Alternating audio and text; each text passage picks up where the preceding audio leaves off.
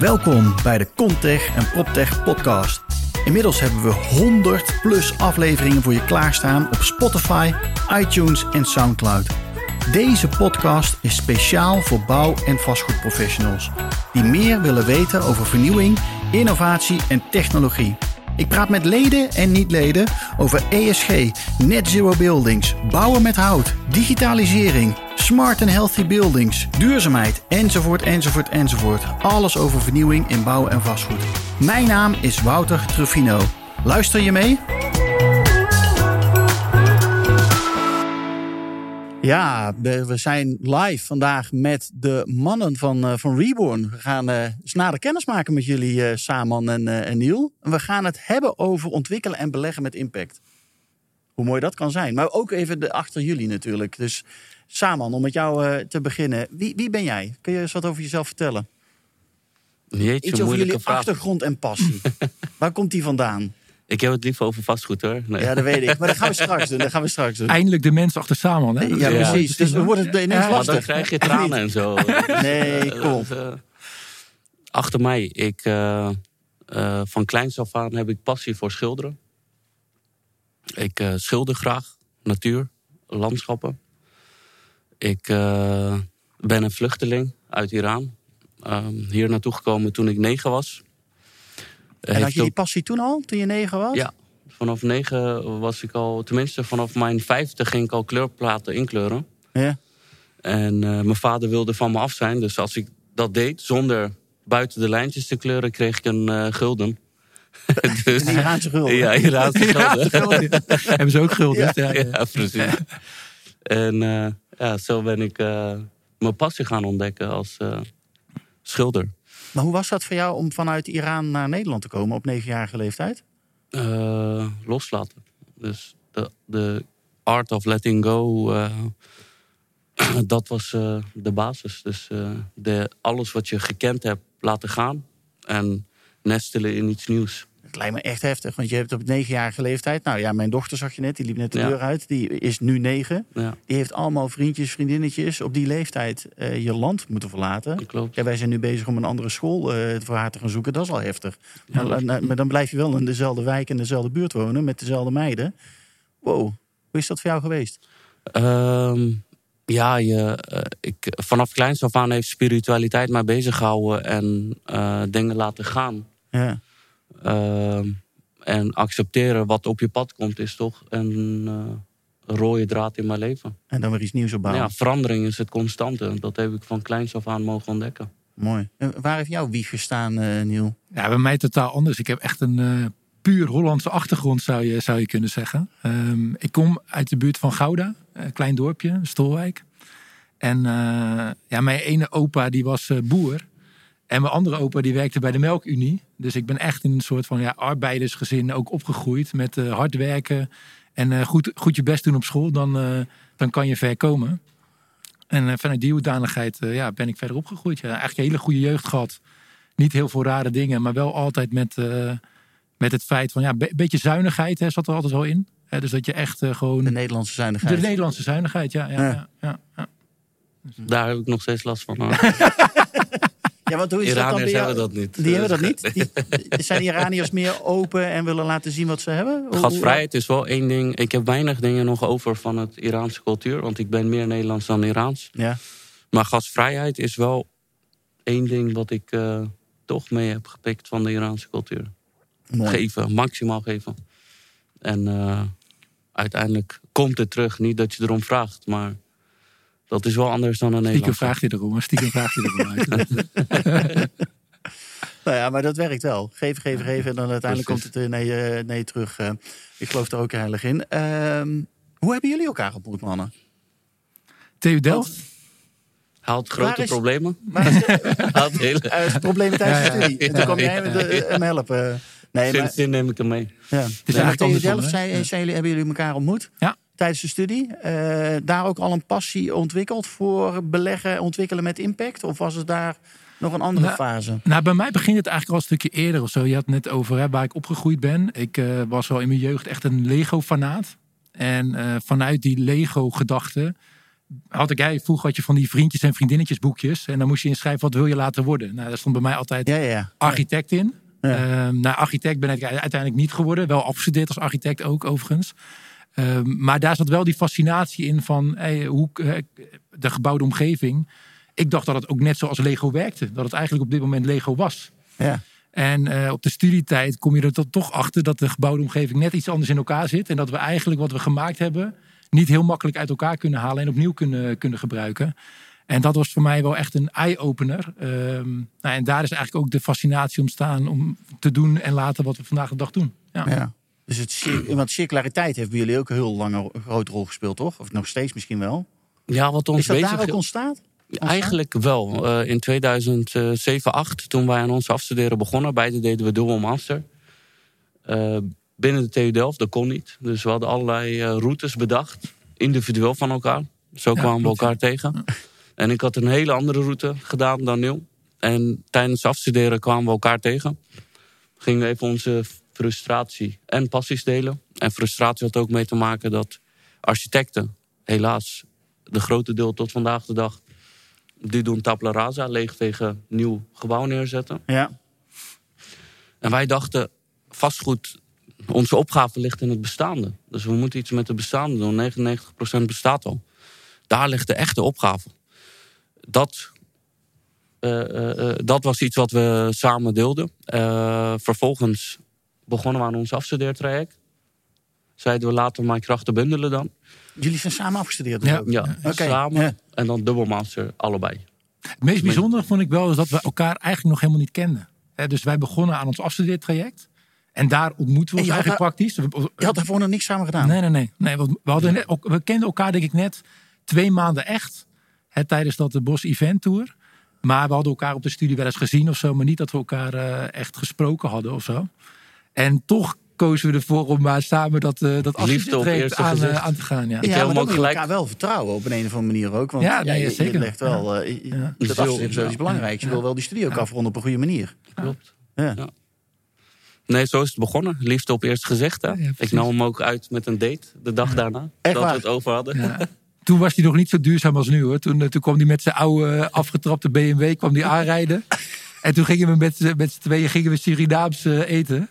Volop vlees doet hij ook niet meer. Weet je? Dus Nee. dat was een hele andere tijd. Dat eh, was een weet hele andere tijd. Maar dat, Exact, ja, wanneer is- dit is 10, 20 jaar, 15 jaar 14, geleden? 14, 14, 15 jaar Ja, geleden. 14, 14, 15 jaar geleden, ja, Ja, precies. ja, Ja, dus er is veel veranderd. Ja. Veel veranderd. Toen had hij nog geen grijs haar. Hè? Dat, eh, Dan weet je wat er met mij gedaan heeft. Ja, precies. Ja, ja, dat is Echt. ongekend. ja, ongekend. ja, ja. Maar nu, nu eh, eh, allebei, want jij bent, eh, eh, volgens mij woon jij in Amsterdam Ja. inmiddels. En jij, eh, Niel? Rotterdam. Rotterdam? Ja, ja, tegenovergestelde, hè? dat krijg je weg.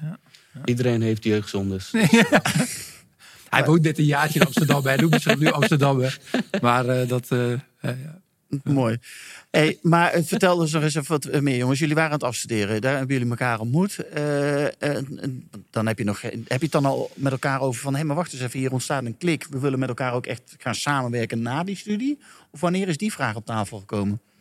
Nou, wat we beide deelden was eh, dat we te veel medestudenten zagen. En rapporttype en rapport wat in de kast belandt. En ze gingen helemaal de andere kant op. En wij twee zeiden van laten we echt even een onderwerp kiezen waar we op doorgaan. Dus we gaan toch twee jaar van ons leven eraan besteden. We gaan twee masters, keer twee, vier masters eraan wijden. Laten we een onderwerp kiezen waar we absoluut mee door kunnen.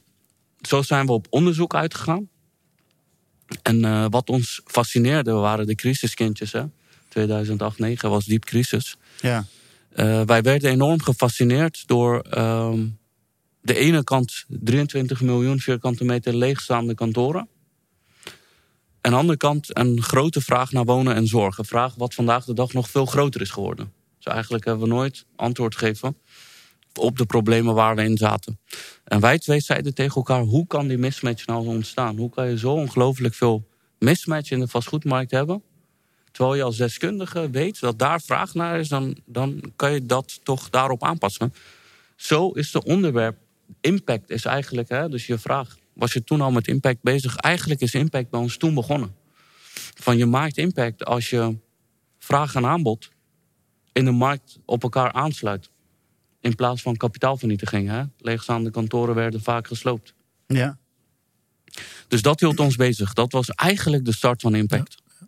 Nou, en ik denk ook dat we al heel snel merkten dat ehm, het onderwerp wat we te pakken hadden, dat dat een bepaalde weerstand opriep. Dus ook bij de universiteit, ons afstuderen heette flexibiliteit als fundering voor duurzaamheid. Hè. Dus zit, zit vandaag nog in het uh, Reborn DNA. Ja. Maar je merkte al snel dat we bij docenten en ook als we de praktijk daarin voegen, nee, dat kan niet, het is allemaal veel duurder en dat, dat is al lang uitgezocht. Dat, dat gaat nooit op die manier Gaat niet gebeuren. vliegen. En nee. dat was denk ik ook wel een beetje voor ons een soort drijfveer wat we heel onze, heel onze periode tot nu toe hebben gehad. Van die weerstand, daar leven we ook wel een beetje op. Om te laten zien en te bewijzen dat het anders kan. Ja, Ja, dat het wel kan. ja exact. Ja, dat exact, het wel kan. exact. En maar dan zeggen ze dus ook over jullie dat jullie real, idealistische realisten zijn. Hoe, hoe komt dat dan? Komt dat daar ook vandaan? Ja, ik denk dat dat begint bij die droom. Hè? Dus wat Samen net zei, het is een soort studentendroom die een beetje uit de hand is gelopen vandaag de dag. Eh, en eh, wij willen dat nog steeds waarmaken in de praktijk. En daardoor, en daardoor hebben we eigenlijk de tocht bewandeld die we tot nu toe bewandeld hebben. Ja, om dat waar te maken. We deden ook in het verlengde van ons eh, dubbel afstudeertraject een PhD bij Hans de Jonge. En ehm, eh, Hans de Jonge zei elke keer tegen ons: Mannen, jullie komen alleen maar met een droom. Dat is gaaf, maar bij een PhD moet je een probleem formuleren. Ja. Wij zeiden: Wij kennen geen probleem. Wij willen betere gebouwen neerzetten. Ja. Hij vond het prachtig. Hij zegt: We moeten promovendi. Ze noemden ons ook. Daarom noemden ze ons idealistische realisten. We waren promovendi die onderzoek deden naar circulariteit in de praktijk. Dus we koppelden de theorie aan de praktische. En eigenlijk hebben we in de afgelopen 14 jaar nooit die lijn van idealisme losgelaten. We hebben zoveel eh, gebouwen aangeboden gekregen waar we gigantisch veel geld konden maken. Hè? Gewoon seriematig woningbouw in Vleuten of in Rijswijk bouwen van, eh, ombouwen van grote kantoorgebouwen en veel geld verdienen. Hebben we nooit gedaan. Maar dat is dan niet idealistisch genoeg voor jullie? Nee, want in de lijn van onze idealisme, dat hè, kunnen we misschien zo meteen iets verder eh, op ingaan, is het belangrijk dat elke realisme, dus project wat je eronder schuift, een stap jouw idealen dichterbij de werkelijkheid brengt. En wat is dat dan? Is dat een beter gebouwde wereld? Wat, wat, wat is dat voor jullie? Dat idealisme? Want het Eh, is, ja, het, is, het is ontwikkelen, beleggen met impact. Maar wat is die impact dan precies voor jullie? Het begint bij het feit, we zijn er natuurlijk al 14, 15 jaar mee bezig. En het is, met de dag is het doorontwikkeld. Tot wat het nu is, dat noemen we de, onze missie in 3D. Dat zijn 3D's. Alles wat wij doen is dynamisch. Dus de gebouwen die wij neerzetten en gebieden, die zijn juridisch, qua bestemmingsplan, en technisch, qua gebouw, adaptief. Dus de gebouwen kunnen zich volledig en gemakkelijk, dat betekent technisch gemakkelijk en goedkoop, financieel, aanpassen aan een andere functie. Dus als wij een Ze zijn functievrij.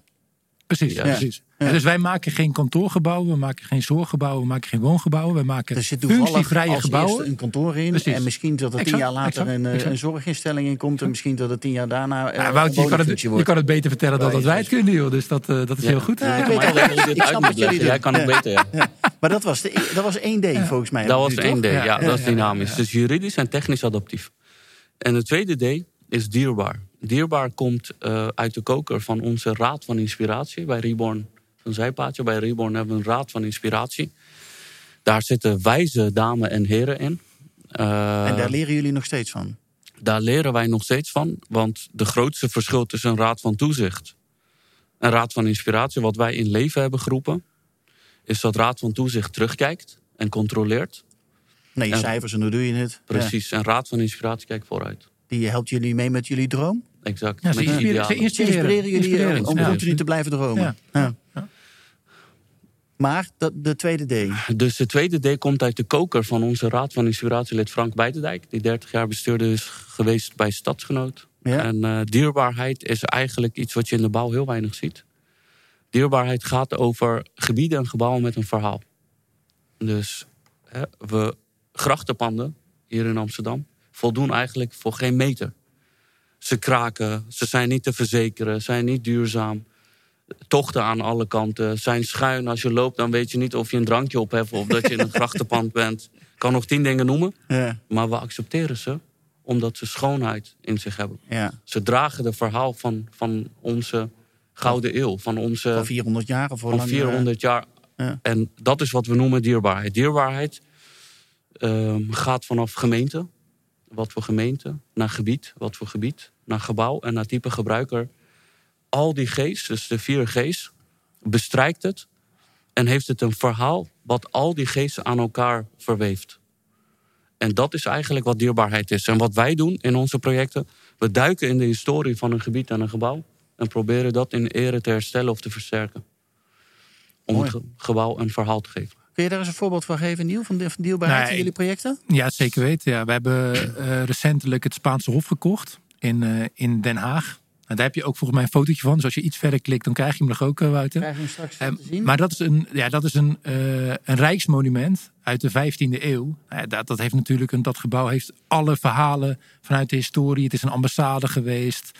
Er zijn zelfs spookachtige verhalen erover te vertellen. Nou, dat heeft van alles wat je, ja, wat, je, wat je nodig hebt voor een gebouw. En los van die verhalen waar Samen het net over had, heeft het ook ehm, ja, de ornamentiek, de uitstraling, waar we, waar, ja, die we gewoon nodig hebben in onze gebouwde omgeving, waar- waardoor we van die gebouwen gaan houden. En waardoor we ook ze voor de lange termijn vast willen houden. Hè? Want er is geen, geen gek die denkt van oh, dit gebouw gaan we tegen de grond gooien en we gaan hier iets neers- nieuws neerzetten. Iedereen ziet die historie en ziet de kwaliteit van zo'n gebouw. Nou, en dat is wat we exact bedoelen met die, eh, met die dierbaarheid. En is het dan ook makkelijk om daar zo'n adaptief gebouw van te maken? Van iets wat al zo lang bestaat? Nou, dat is een hele goede vraag, eh. Kijk, dat, is, dat is vaak de uitdaging. Hè. Eh, als je dan bijvoorbeeld spreekt over het Spaanse Hof, analyseren we dat wel altijd aan de hand van, van onze visie. En eh begane grond is hoog monumentaal. Daar kan je bij- weinig aan doen. Maar hè, dan kan je hem ook weer omdraaien. Op het moment dat we een dierbaar gebouw hebben, dan passen wij ons als mensen wel aan om ons erin te willen huisvesten.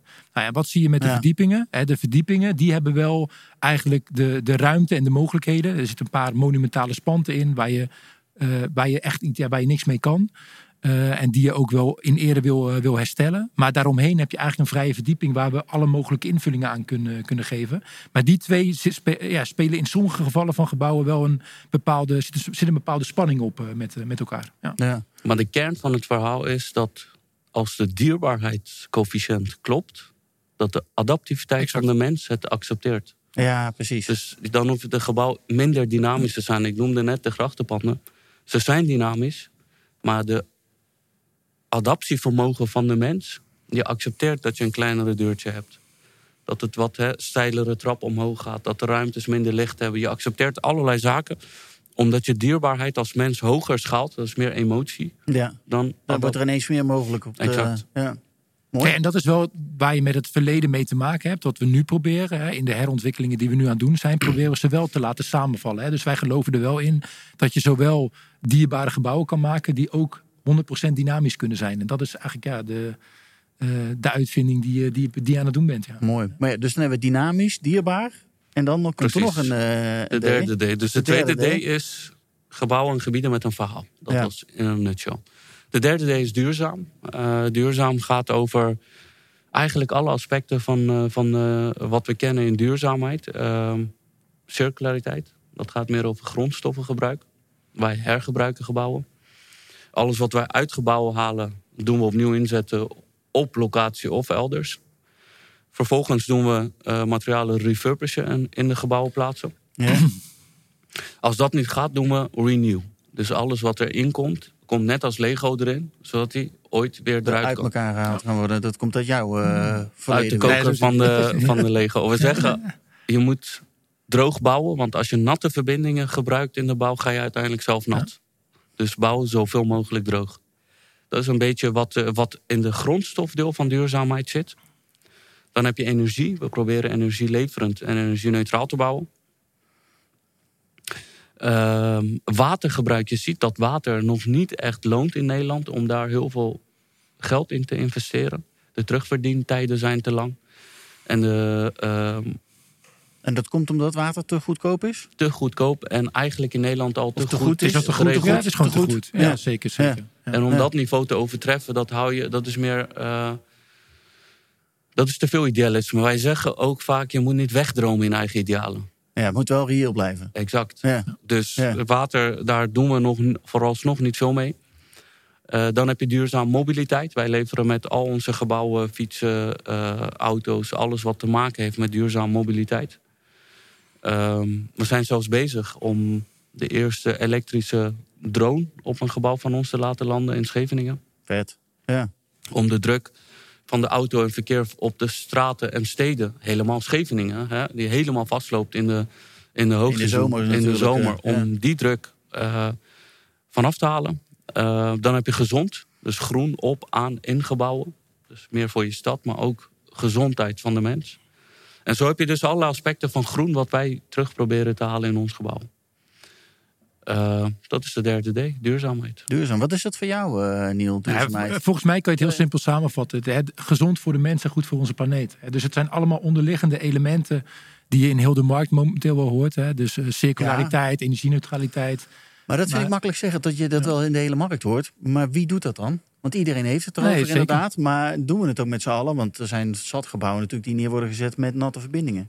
Ja. Ja. Waar- hoe kijken jullie daarnaar? Hoe, hoe die vastgoedmarkt dit wel of niet Nou ja, als- als ik- Want iedereen nee, roept het inderdaad. Nee, maar als ik, als ik heel eerlijk ben, maak ik me best wel zorgen over hetgeen we op dit moment aan het realiseren zijn. Dus als je om je heen kijkt, is natuurlijk een gigantische eh, woningbehoefte. Dus waarvoor gebouwd moet worden. Maar naar mijn mening gebeurt dat nog steeds voor de korte termijn. Dus ik zie van alles vanuit de, uit de grond eh, op, oppoppen. Met dragende wanden, eh, met natte verbindingen. En je moet je afvragen, zijn dat niet de problemen die we in de toekomst weer gaan krijgen? Dus over Ja. 30, 40 jaar dan zijn dat wellicht de nieuwe problemen. Want nu is er een zorgvraag, een woningvraag voor een bepaald type.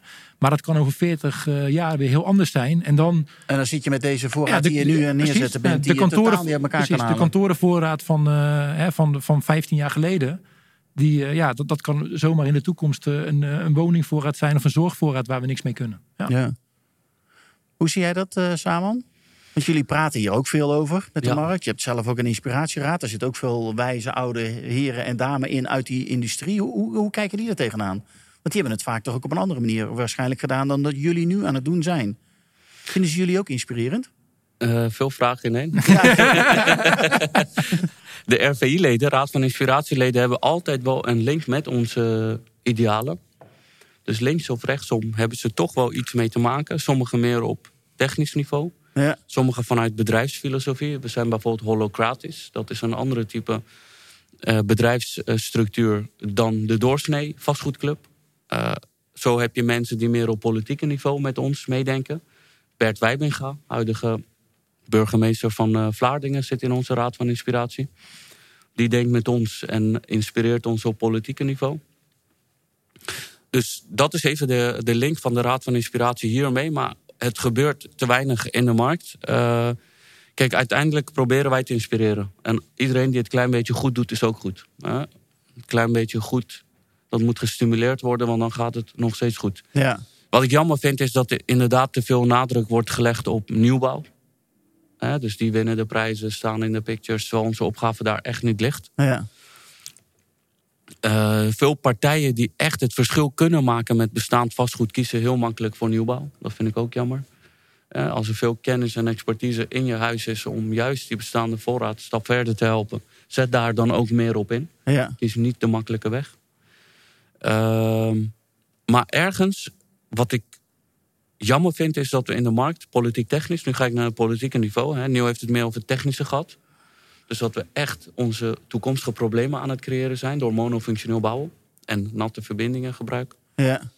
Maar op politiek niveau vind ik ook dat we eh, allerlei wet en regels in het leven aan het roepen zijn. Denk aan 40-40-20 van Amsterdam. ja. Die wordt gedwongen om heel veel eh, sociaal en middensegment huurwoningen te maken. Terwijl er tekort is aan zorgwoningen. Op het moment dat jij die zorgvraag weet te beantwoorden, dan stromen die door en komen woningen in de markt vrij.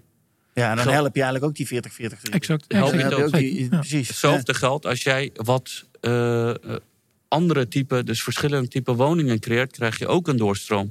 Dus je hebt allerlei manieren om op een goede wijze niet de problemen van de toekomst te creëren. Dat doen we nu. Ja. Want door 40, 40, 20 komt druk te staan op je bouw door programmering. Dan hebben we ook nog eens dat we, dus naast het programma, de bouwkosten stijgen.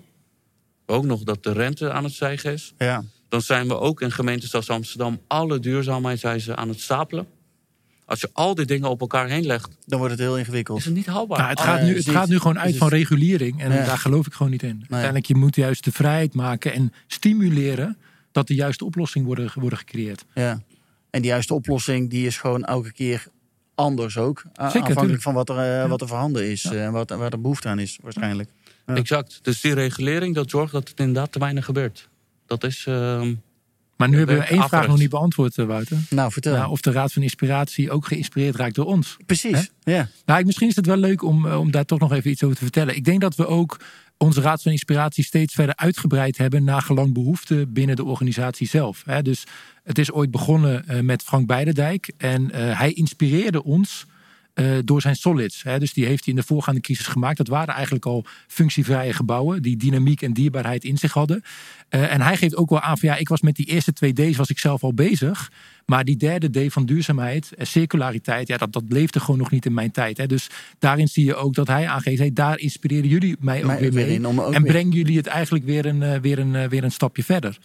Eh, en als je bijvoorbeeld dan kijkt naar, eh, ehm, naar Wienke, Wienke Bodewes, eh oud Ja. CEO van, eh, van Amvest. Ja. Eh, die hebben we er eigenlijk bij gehaald omdat we de volgende stap met onze organisatie wilden maken. hè. Dus we zijn begonnen als die studenten met een droom. Eh, vervolgens zijn we adviseur geworden. Nou, toen merkten we al heel snel van ja, adviseur zijn leuk. Je adviseert een ontwikkelaar of een eh, zorginstelling. eh, en die neemt uiteindelijk 20% over. Laten we zelf gebouwen gaan kopen. Nou, toen zijn we ontwikkelaar geworden. Eh, nou, en toen liepen we tegen de grenzen van, het, eh, van de belegger, ontwikkelende belegger aan eh, zijn. Eh, en toen hebben we eigenlijk Wienke erbij gehaald in relatie tot, tot Frank en gezegd van hé hey Winke, kan jij ons niet helpen om vanuit onze visie die stap richting ontwikkelende belegger te kunnen maken. Dus zo zie je eigenlijk dat, ja, dat eigenlijk een soort eh, ehm, wisselwerking is. Hè? Dus enerzijds inspireren wij vanuit onze idealen, vanuit onze visie. En anderzijds inspireren zij ons weer met de ervaring, de grijze haren en het netwerk hè, wat ze hebben. Ja. Om ons eh, de En om jullie ook naar de volgende stap te brengen. exact. Want je zegt zelf van Ja. adviseur naar ontwikkelaar, van ontwikkelaar naar belegger. Ja, Ehm, eh, om elke keer die stap weer te maken. Ja. Heb je ook gewoon kennis nodig, lijkt mij. Zeker. Ja. Ja. ja. Hey, maar jullie hebben, eh, zijn ook bezig met een impactfonds aan het creëren. Met welk doel? Is dat ook dit doel om zelf vastgoed te kunnen behouden? In een eigen fonds? Of Eigenlijk. hoe moet ik het eh, zien? Eh, de Impact Fonds heeft eh, meerdere doelen. De eerste is dat wij ehm, geloven dat je social return, dus het teruggeven aan de maatschappij, alleen kan creëren als je snapt hoe financial engineering werkt. Met andere woorden, op het moment dat je heel veel duur geld in een gebouw stopt, wordt de gebruiker de kind van de rekening aan het eind van het traject. Net als al die stapelingen nu, wat in de regulering plaatsvindt, de gebruiker is aan het eind de kind van de rekening. Ja.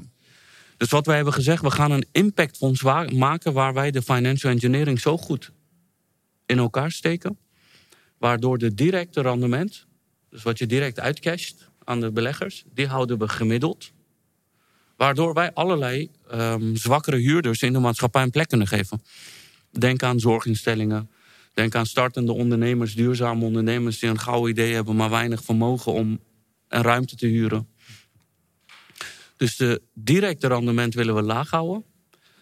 Maar onze assets, onze vastgoed, die vanuit de 3D ontwikkeld zijn, die Ja, kennen die zijn zo goed. veel goed en veel hogere Ja. eindwaarde, Ja. indirecte waarde. Dus in dat financial engineering beloven we een gemiddelde rendement en een bovengemiddeld indirect rendement op het moment dat mensen aandelen in zo'n fonds verhandelen Ja. of de fonds verkopen naar een andere aandeelhouder. Dus in die hoedanigheid, wij zijn gaan ontdekken dat je Want hoe wordt daar tegenaan gekeken? Want ik kan me het voorstellen dat het, het gaat eigenlijk alleen maar over rendement, rendement, rendement. Op Exact. zo'n kort mogelijke termijn. En jullie zeggen van nou op korte termijn doen we hem gewoon, oh, gewoon een goed rendement. Maar op lange termijn is die beter.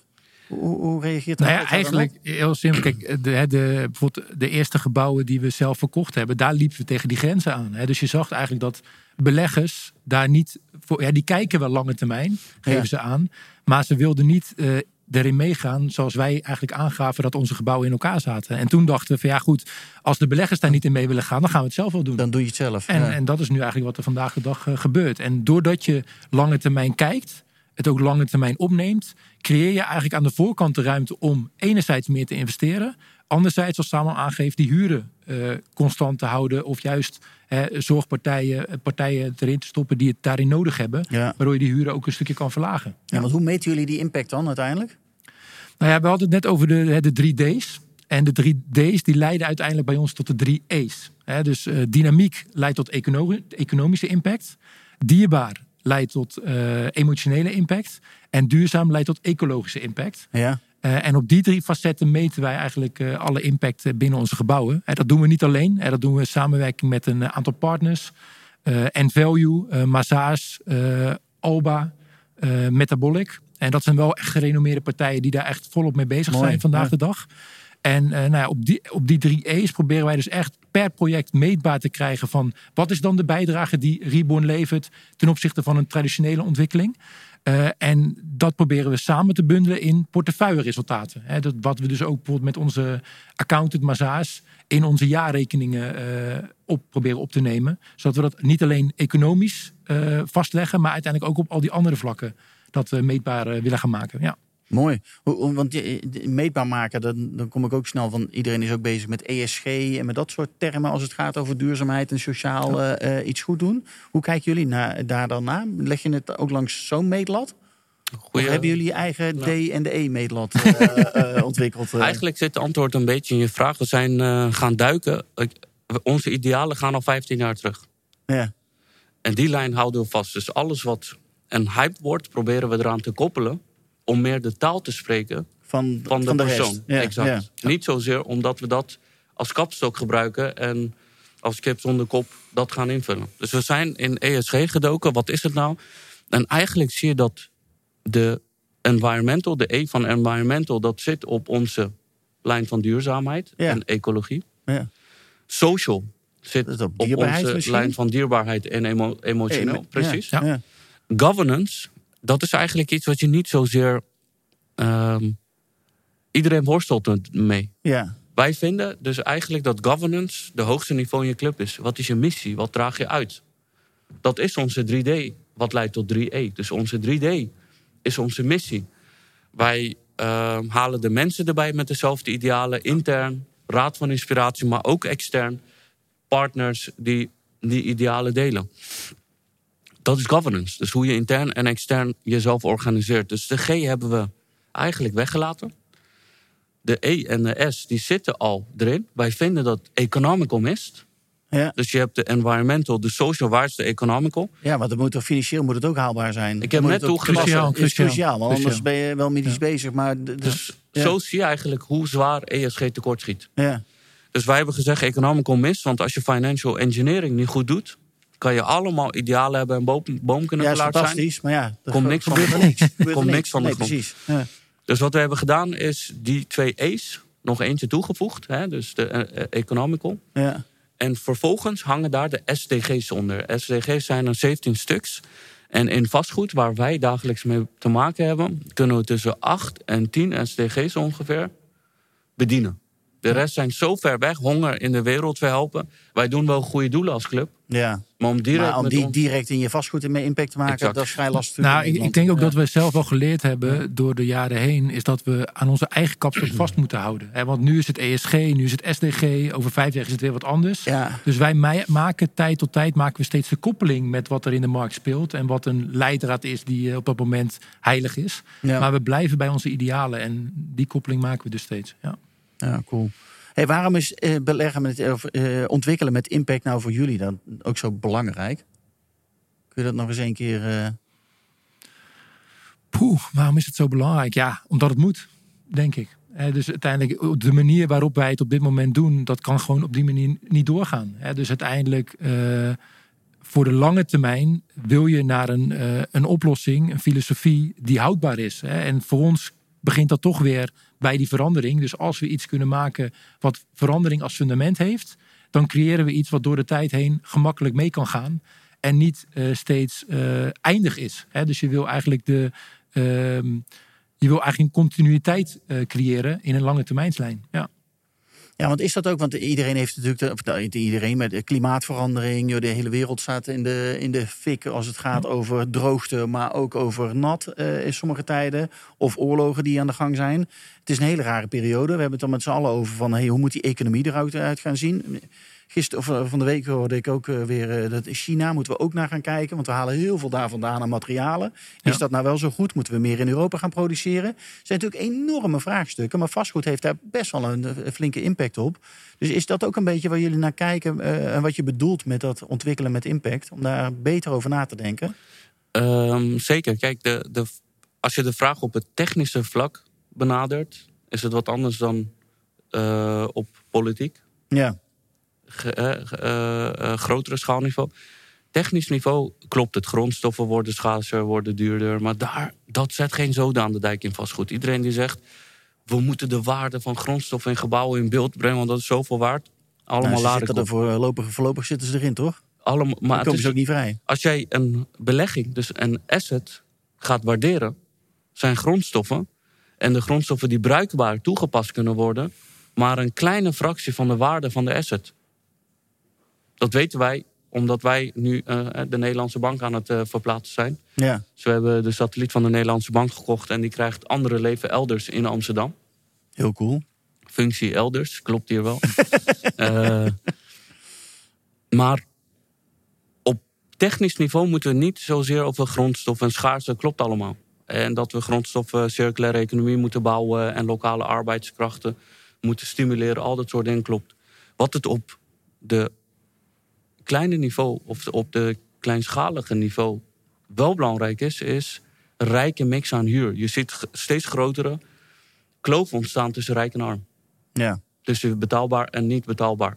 En wat wij in de Impactfonds proberen, is de beste plekken in Amsterdam en Den Haag, want daar is onze fonds op eh, gericht, beschikbaar te stellen voor iedereen. Dus ook drie kwart van onze fonds is social impact. Drie Ja. kwart is voor niet alleen sociale woningbouw, dus dat, dat eh, associeert mensen vaak met een impact. Maar bij ons zitten ook bijvoorbeeld de politieagenten krijgen voorrang. Of de zusters die de zorginstelling werken, krijgen voorrang op een huurwoning op die locatie. Dus allerlei mensen die waarde toevoegen aan een stad, die een plek geven. Dus op dat niveau van hoe je een rijke mix aan huurders... met een overgrote deel social impact weet te realiseren... daar ligt een opgave, omdat die kloof steeds groter wordt. dat lijkt me een immense opgave. Waar zijn jullie aan begonnen, Niel? Ja, maar goed, dat, het is de nieuwe uitdaging die we weer zien, weet je wel. Dus zo, zo doorlopen we steeds eigenlijk het pad vanaf die studentendroom. En Ja. komen we nieuwe uitdagingen tegen waar we willen staan. Maar ik denk dat het gewoon puur te maken heeft, eh, wat Samuel ook zegt, met het combineren. Hè? Dus weg van die kokers die we afgelopen 30 jaar met elkaar gemaakt hebben, maar juist gaan mixen. Ja. Waardoor eigenlijk het rendement van de ene weer kan, hè, een, een, een goed kan zijn voor de, voor de ander. Weet je? En daardoor, hè, dus die functievrije fondsen, eh huurdersmixen, eh gebouwenmixers op verschillende locaties. Dat moet er juist voor zorgen dat we het allemaal eh, goed hebben. Benodigt misschien een klein beetje uitleg.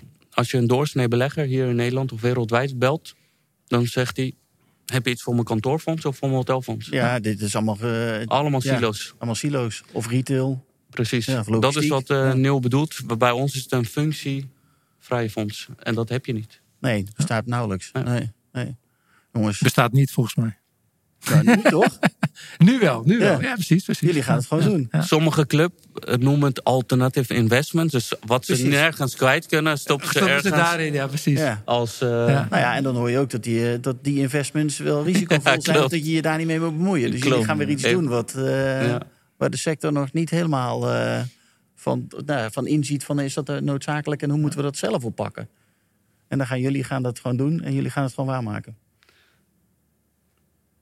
Ja, absoluut. Ja. Jij Wat moet je, hè? wat moet Ja, je ja. hier nog Ja, ja, ja, ja, De samenvatting is natuurlijk de drie D's. Ja. Vind ik wel heel mooi. Dynamisch, dierbaar, duurzaam. En daar komen jullie drie E's uit. En die heb ik nog niet helemaal scherp. Dus kun je die nog... even- Economisch. Economisch? Emotioneel en ecologisch. Precies, want ze staan in verbinding met, eh met Bijna, de? D's. Ja. Mooi. Eh, mannen, wat zouden jullie nog mee willen geven? Laatste vraag aan, aan die vastgoed, Nederlandse vastgoedsector. Ja, nou ja, goed. Als ik eh, ook een beetje terugkijk op het gesprek. Wat we net al geraakt hebben. eh, lange termijn. Echt lange termijn denken. Hè. Dus je ziet momenteel eh, in de markt van alles oppoppen. Qua circulariteit. Hè, gebruik van materiaal. Wat daarin allemaal gebeurt. Maar nog steeds vind ik persoonlijk dat we heel erg korte termijn aan het kijken zijn. Hè. Dus nu is, er een woning, nu is er een Ja. woningvraag. Die proberen we op te lossen met korte termijn eerste gebruikgericht woningen daarin te maken. Ehm, en ik, ik vertelde net al, ik zelf in Rotterdam. Ik zie al die torens daar omhoog komen. Wat weer gebouwen zijn waarvan ik zeg, nou ja goed, over hè, 30, 40 jaar hebben de, de nieuwe problemen. Dus ik wil de, de, de vastgoedmarkt meegeven. Probeer echt lange termijn eh, te kijken. En ook eh, daarin gebouwen en gebieden te maken. Die ook de tand des tijds eh, kunnen, kunnen doorstaan. Wat is lange termijn voor jou? Ja. Is dat twee jaar, Nou ja, vijf jaar, tien jaar? Ja, nu, nu stel je een hele detailvraag, hè, maar Ja. 200, 400 jaar. Ja, zelfs, Kijk, zelfs zover. Ja, met de constructie van je gebouw, als je hem goed ontwikkelt, zou die zo lang kunnen, kunnen blijven Hij staan. reageert ja. graag over eigen graf. Dat- Ja, ja. Ja, mooi. Zeker weten, zeker weten. Je moet iets moois meegeven, hè? Precies, dat is ja. belangrijk, hè? zo is het. Wat wil jij de vastgoedsector meegeven, Saman? Dat is een hele mooie technisch, hè, wat Nieuw net eh, mee heeft gegeven. Ik zou zeggen, stap met ons in de tijdmachine. Versnel de tijd. Ja. En laten we terugkijken wat voor impact jij hebt gemaakt. En of je dan andere besluiten zou nemen Of je dan vandaag. trots bent op wat je gedaan hebt. Precies, dat zou ik me willen geven. Ja. En zijn ze dan trots op zichzelf, denk je? Als ze Het ligt eraan terugkijken? eh, wie je aanwijst. Ja. En nu gaan ze allemaal in de spiegel kijken. Ja, hè? Dus dat, precies, dat ja. is het. Hè? Dus dat, Ja, eh, dat is wel nee. mooi inderdaad. Dan ga je terugdenken van wat heb ik nou dat week eigenlijk gedaan. Ik denk En vanaf nu op, van op de borrels en provada zou iedereen mij ontwijken. Ja, ik wil niet met dat hem is, in de nee, tijdmachine. want dan krijg ik een vraag. Laat me doen wat ik doe. Dat is zo. Ja. Nee, dat is het. Dus kijk, ehm, want de, de keuzes die je maakt, maakt de persoon van je die je bent. Al de keuzes hebben groot impact en invloed. En Nou ja, zeker wat we doen met vastgoed. We maken de gebouwde omgeving. Dus als we daar inderdaad dingen neerzetten Ja. die goed zijn, kunnen we daar trots op zijn. Maar zetten we dingen neer die wat minder goed zijn, ja, dan. Nou, misschien moet, en misschien moet je iedereen vragen om eh, eens een rondje te gaan maken langs al de gebouwen die ze ontwikkeld hebben. En dan dat ze voor zichzelf gaan afvragen van ja, heb ik hier een eh, mooie bijdrage geleverd, ja of nee? En dan zowel die gebouwen aan de goede kant als die gebouwen Nee, aan de exact, goede exact, kant. tuurlijk, ja, tuurlijk, en wat ja. er staat dan het Exact, verschil tussen? ja. Wat kunnen we daarvan leren? Ja. En hebben we ik- daar heel veel geld verdiend en hebben we dat op een andere manier misschien toch.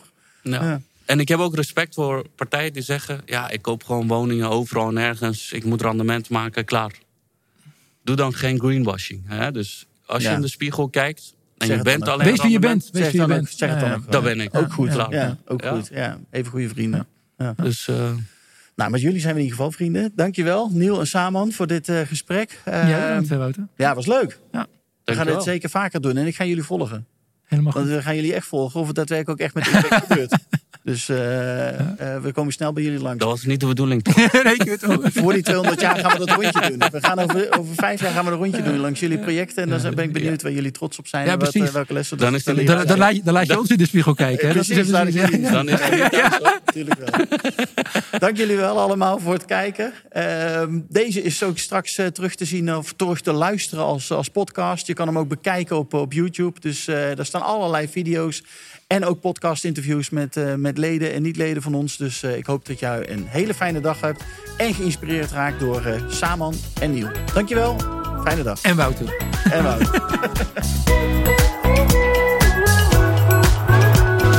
Dankjewel voor het luisteren naar deze aflevering van de Contech en PropTech podcast. Ik hoop dat je andere afleveringen ook gaat luisteren.